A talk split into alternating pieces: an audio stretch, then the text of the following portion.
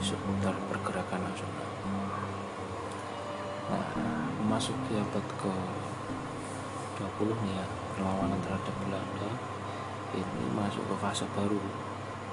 Perlawanan ini dipimpin oleh kaum terpelajar yang mendapat pendidikan barat.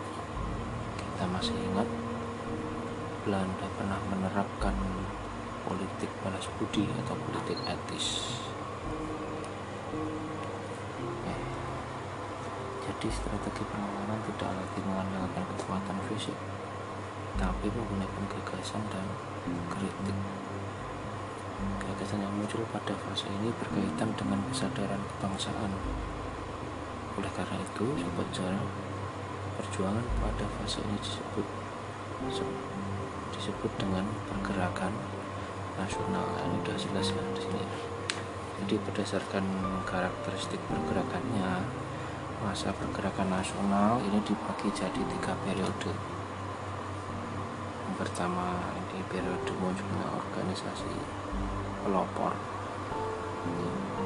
Ini ditandai dengan lahirnya Budi Utomo, Syarikat Islam dan Independence. Kemudian yang kedua periode radikal ini diwarnai dengan kemunculan Indonesia atau Perhimpunan Indonesia kemudian ada Partai Komunis Indonesia Partai Nasional Indonesia Partindo dan BNI baru. Adapun yang ketiga adalah periode akhir masa kolonial. Yang periode akhir pemerintahan kolonial Belanda. Kebijakan organisasi pergerakan bersikap lebih lunak kepada pemerintah kolonial. Periode akhir ini diwarnai dengan munculnya Puskat dan Gapi. Ya, sudah dibahas kemarin itu ya. Nah, lantas bagaimana sih strategi perjuangan pada masa pergerakan nasional? Oke, kali ini kita akan membahas tentang strategi pergerakan nasional. Yang pertama ini ada strategi yang bersifat radikal dengan taktik non kooperatif. Ya, ingat jangan lupa bikin resumnya ya catat simak baik-baik. Nah kalian bisa cermati lagi ini perkembangan organisasi organisasi pergerakan nasional seperti PI, PKI dan BNI Nah, dengan mencermati pergerakan organisasi-organisasi tersebut, maka terlihat jelas sifat radikal beberapa organisasi pergerakan. Sebenarnya apa yang dimaksud dengan radikal? Seperti apa karakteristik dan corak pergerakan radikal itu? Nah, yuk kita cari tahu sama-sama ya. Kalian pernah buka KBBI, Kamus Besar Bahasa Indonesia? Nah, di situ radikal diartikan sebagai tindakan menuntut keras perubahan. Radikal juga dapat diartikan sebagai cara yang dilakukan oleh golongan atau suatu kelompok untuk mengamati sesuatu secara kritis, kemudian membalikkannya untuk mencapai keadilan yang lebih baik. Nah, pada masa pergerakan nasional, strategi radikal ini diterapkan dengan menggunakan cara yang keras dalam menentang kebijakan pemerintah kolonial sifat radikal yang ditunjukkan organisasi pergerakan nasional ini tidak muncul dengan sendirinya tentunya ya ada faktor-faktor yang menyulut. Tidak akan apa istilahnya ya? Tidak akan ada api kalau tidak ada yang membakarnya gitu ya. Jadi ini faktor penyebab organisasi pergerakan memiliki sikap radikal. Di antaranya yang pertama adalah krisis ekonomi tahun 1921 dan krisis perusahaan gula tahun 1918. Masih ingat ya penerapan politik etis di 1918. Yang kedua pergantian kepala pemerintahan kolonial. Ya, ya di yang bersifat reaksioner.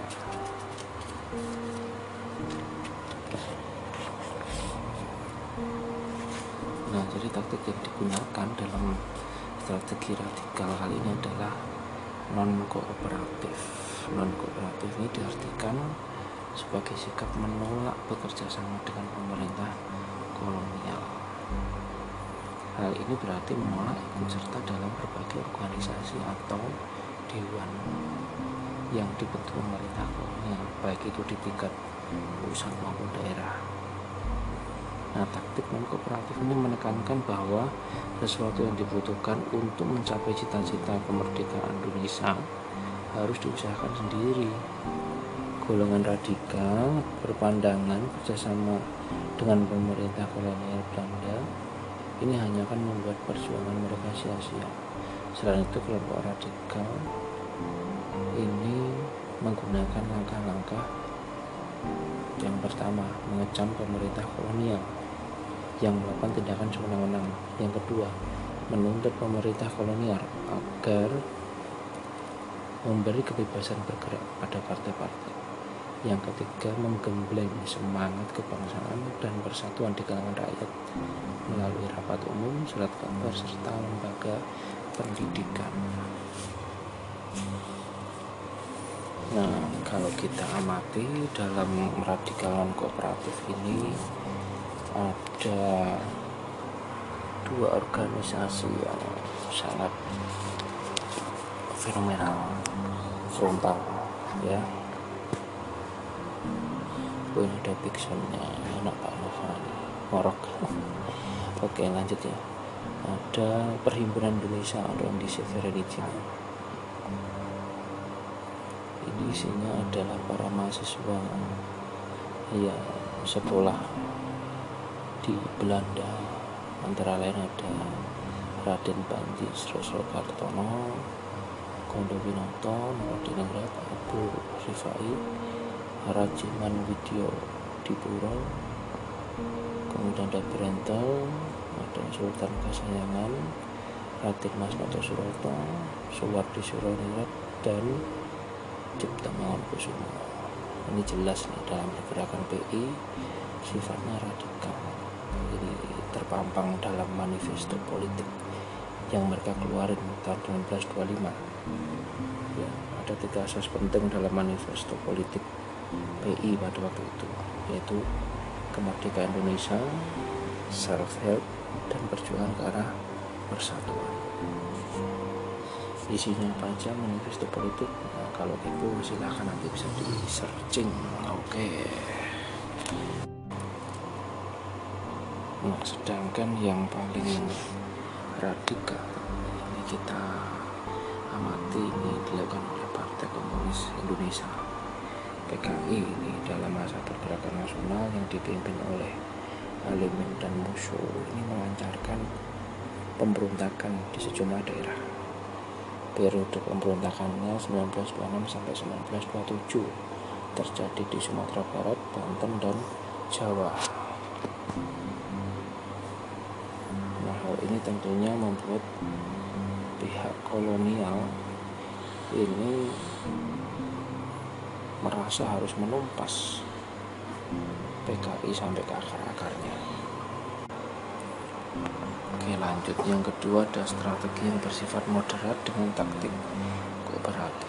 Berarti kebalikan tadi ya, kebalikan yang radikal non kooperatif sekarang ada moderat dengan taktik kooperatif ya ini sih kegiatan yang bersifat moderat. Misalnya ini mengirim wakilnya dalam Dewan Rakyat Puskat agar dapat memperjuangkan kepentingan rakyat. Yang kedua mengusahakan kesejahteraan rakyat di bidang ekonomi dan sosial.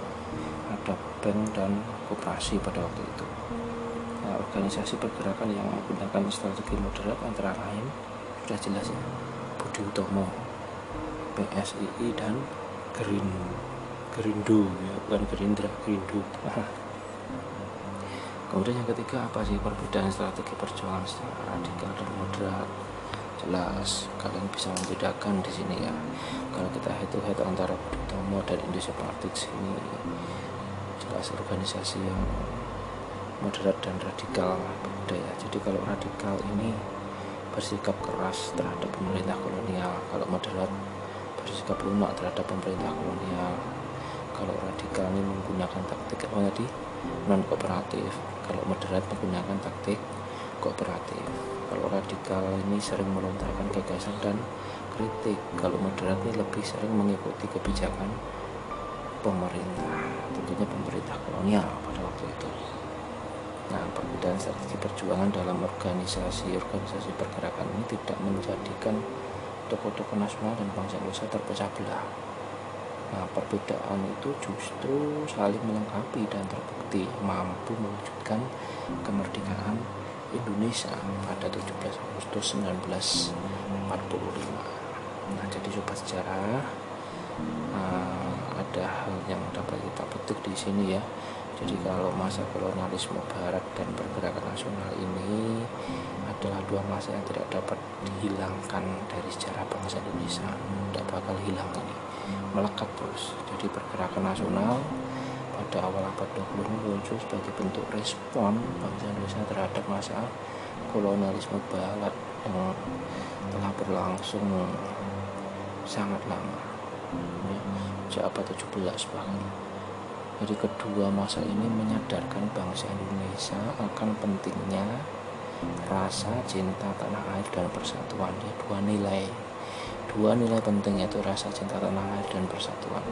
Kenapa? Karena Indonesia ini bangsa yang majemuk ya, pada kehidupan masa kini kedua sikap tersebut masih sangat diperlukan untuk menjaga eksistensi bangsa Indonesia.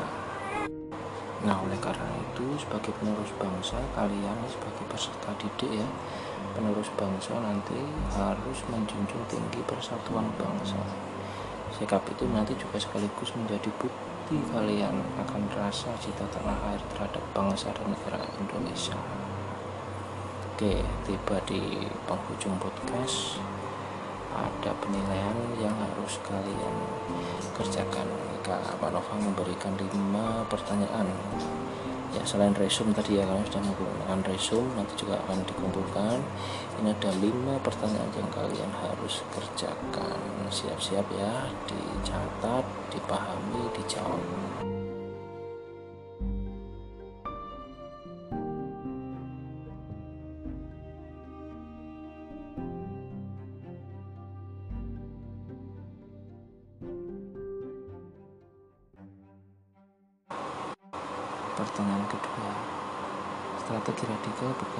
dengan taktik non kooperatif. Nah, bagaimana penerapan taktik non kooperatif pada masa pergerakan nasional? Pertanyaan ketiga, selain radikal, strategi perjuangan yang diterapkan pada masa pergerakan nasional adalah moderat. Apa penyebab strategi moderat diterapkan dalam pergerakan nasional? pertanyaan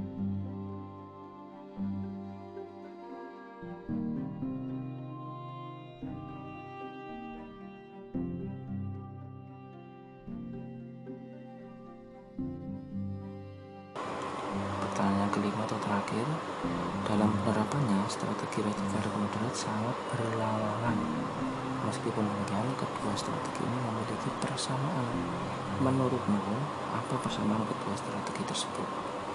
Silahkan dikerjakan ditulis boleh diketik boleh. Nanti pengumpulannya pada kesempatan berikutnya beserta resumenya pada lembar kertas saja. Terima kasih, selamat pagi, salam sejahtera.